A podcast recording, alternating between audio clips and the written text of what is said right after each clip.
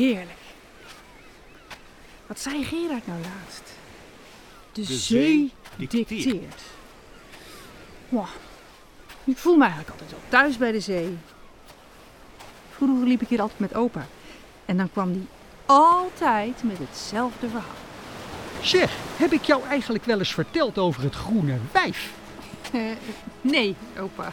Nou, dat wijf dat leefde in de 15e eeuw. Dus die was niet van gisteren. Nee, nee, nee. Ze had het goed bekeken hoor. Want denk je dat ze in een huisje woonde? Of op de boerderij bijvoorbeeld? Om zo te horen niet, opa. Nee, nee, ze woonde in de Zuiderzee. Het was een zeewijf. Oh, er zat de zee vol mee hoor in die tijd. Maar op een dag ging het enorm hard stormen. Dat wijf werd opgetild door een hele hoge golf en ze kwam zo in het Purmermeer terecht. Ergens in de buurt van Edam was dat. Dus twee melkmeisjes uit Edam die lopen daar in die storm over de dijk langs het Purmermeer.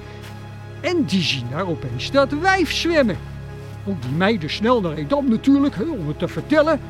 De vissers rukken massaal uit en ze weten dat wijf te vangen. Nou, die vissers helemaal van de kaart, want dat wijf dat zag er niet uit natuurlijk. hè. allemaal zeewier in de haren, overal zeewier eigenlijk. Dus ze hebben er in bad gedaan, Edammer klederdracht aangetrokken en de voordeur opengezet. En kijken wat ze zou doen. Maar hup, dat lijf dook zo weer terug het water in. Met al die Edammer rokken en onderrokken nog aan. Daar kon er helemaal niks schelen. Hebben ze daar weer gevangen. En toen hebben ze haar naar Haarlem gebracht. Naar de bisschop.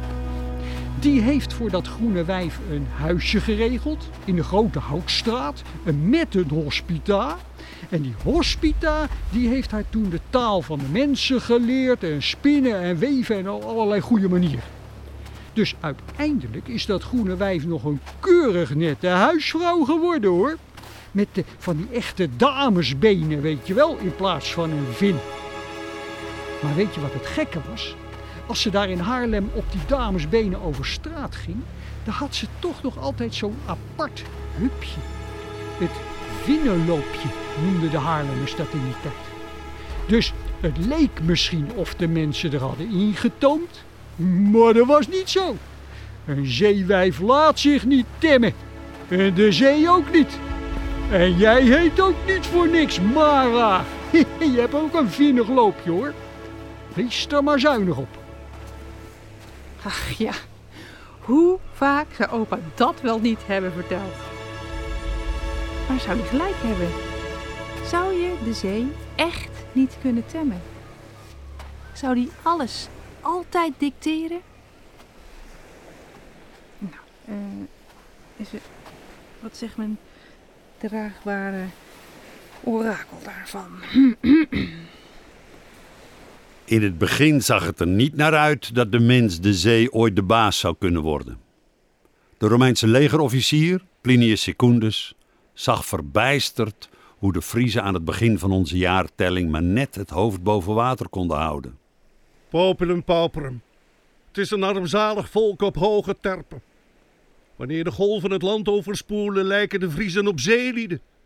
Maar zij gelijken schipbreukelingen als het water is geweken.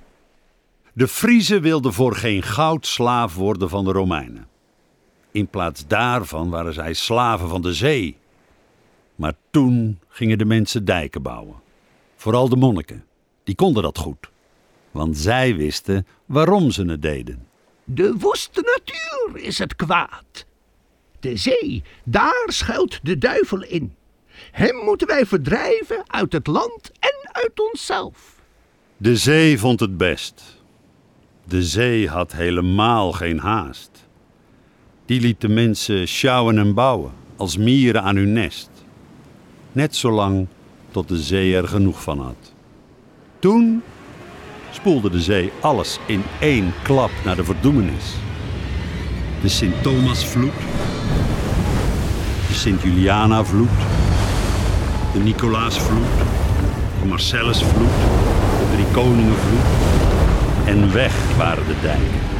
Duizenden en duizenden mensen verdronken in de golven. En de monniken wisten waarom. Het is de straf van de God voor onze zonden. Wie overleeft, is uitverkoren. Die gaat weer aan de slag om de duivel de baas te worden. Sterkere dijken, hogere dijken. De zee slaapt, totdat ze wakker wordt.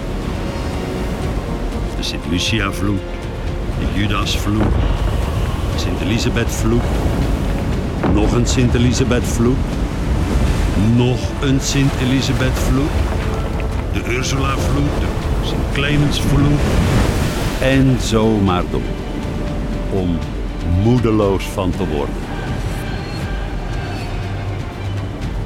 De mensen bouwen verder aan hun dijken om die duivelse zee in bedwang te krijgen. Maar terwijl de dijken hoger worden, daalt het land. Ook dat is het werk van de mensen. Het is de duivel verzoeken. Oh, oh, dat klopt niet. De duivel verzoeken, dat zouden wij nooit doen. Nee? Wel eens van turfsteken gehoord? Turfsteken? Oh ja, dat doen we natuurlijk wel. Dat is om de kachel te laten branden. En voor de zoutwinning. En je kunt fantastische dijken bouwen met turf. Ik bedoel maar. De dijken worden hoger, het land wordt lager. Door al dat turfsteken verandert Holland in een lekkend vergiet. Kleine beekjes worden woeste rivieren. Waar ooit veen was, liggen de zeegaten wagenwijd open. En waar nog wel veen ligt, daar daalt het land ook. Door ontwatering en inklinking. De zee en de rivieren krijgen vrij spel. De eerste Cosmas en Damianusvloed. De tweede Cosmas en Damianusvloed. De Sint-Jeronimusvloed. De Sint-Felixvloed. De Allerheilige vloed. En wat doen we eraan? Dijken bouwen. Goed zo, jong. En na de Sint-Pontiusvloed, Dijken bouwen. De tweede Allerheilige vloed, Dijken bouwen. de Emerentia-vloed, Dat zeg ik toch. Dijken. de Sint-Pietersvloed, Dijken. de derde Allerheilige vloed, Dijken. de Sint-Maartenvloed, Dijken. de Sint... Dijken en waterschappen. Kijk, dat klinkt al een stuk beter. Want waterschappen, daar heeft zelfs de duivel niet van terug. Die waterschappen. Wie had het daar nou ook altijd over? Ja, natuurlijk. Opa, ik dacht net aan je. Mhm. Ja, jij hebt toch ooit wel eens wat gezegd over waterschappen? Ah? Echt? De machtigste organisatie van het land. Bij jou om de hoek. Ik kom nu bij je langs, opa. Nee, vooral voor jou natuurlijk. Ja, ja, dat is goed. Dan zie ik je straks, opa. In de volgende aflevering van Geheim Water.